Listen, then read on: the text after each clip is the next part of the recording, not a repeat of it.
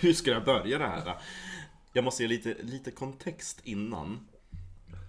För eh, det finns otroligt många original, som man sa, ifrån liksom min lilla håla där jag är ifrån. Jo. Grundsunda.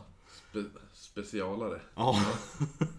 och den, vad man ska säga, the original. Som till och med är rikskänd. Var en gubbe som heter Roland Sträling. Nej. Han var Sveriges äldsta SSU-are.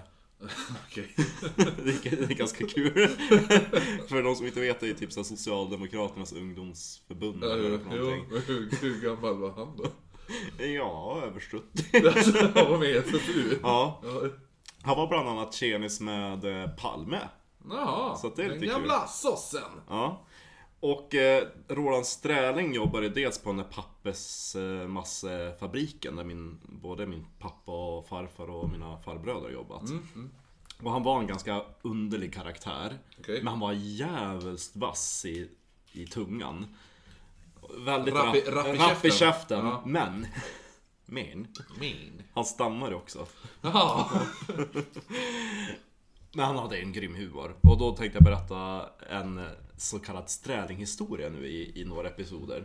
Är Sträling, är det... Det är hans efternamn. Jo, jo, men är det typ eh, lokala, en lokal klintbergar? Förstår du? Nej men de har hänt på riktigt. Jaha, okej. Ja, Ja, så att de har, alltså han, han var ju så otroligt vass och han har så otroligt många Kommer du stamma saker. under tiden? Jag kommer göra hans röst. Okej. eh, nej men så att det har Lever blivit- han nu? Nej, Nej. han dog för ehm, 13 år sedan ungefär. Okej. Men hans son lever fortfarande. Stammar I alla fall. jag vet inte. I alla fall. Eh, han, ibland så undrar man också vad han höll på med. För ibland så känns det som att han iscensatte grejer. Okej. En dag i alla fall, då, då fick polisen in ett telefonsamtal i Övik. Då var det ju Roland Sträling där i Husum som ringde.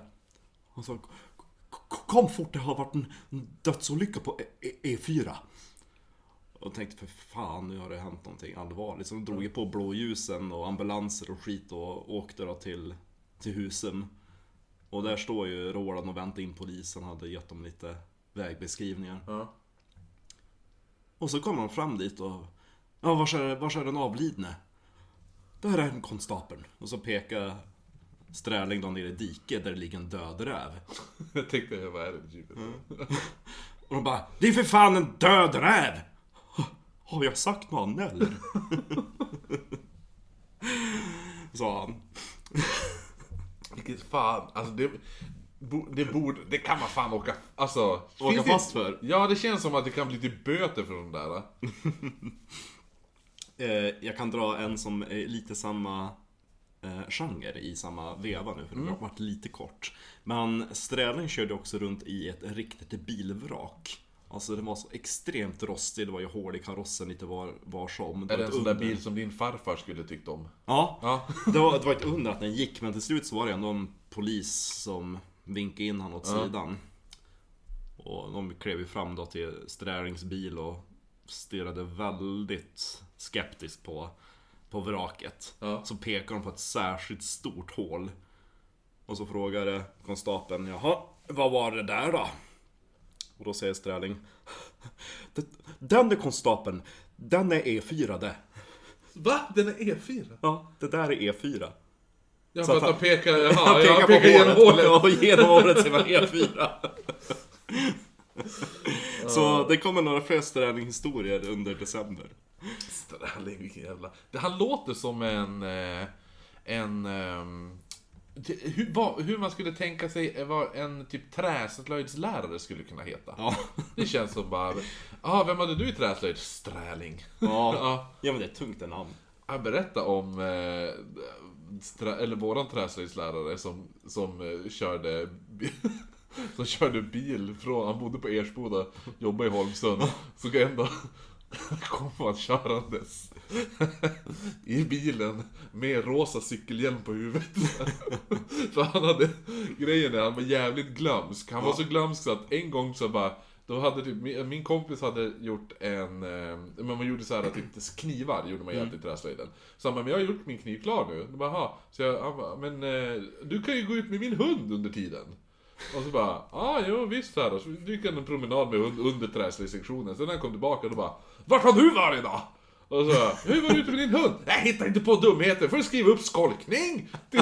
Men gud. Fick han, fick han köra ogiltig frånvaro den dagen.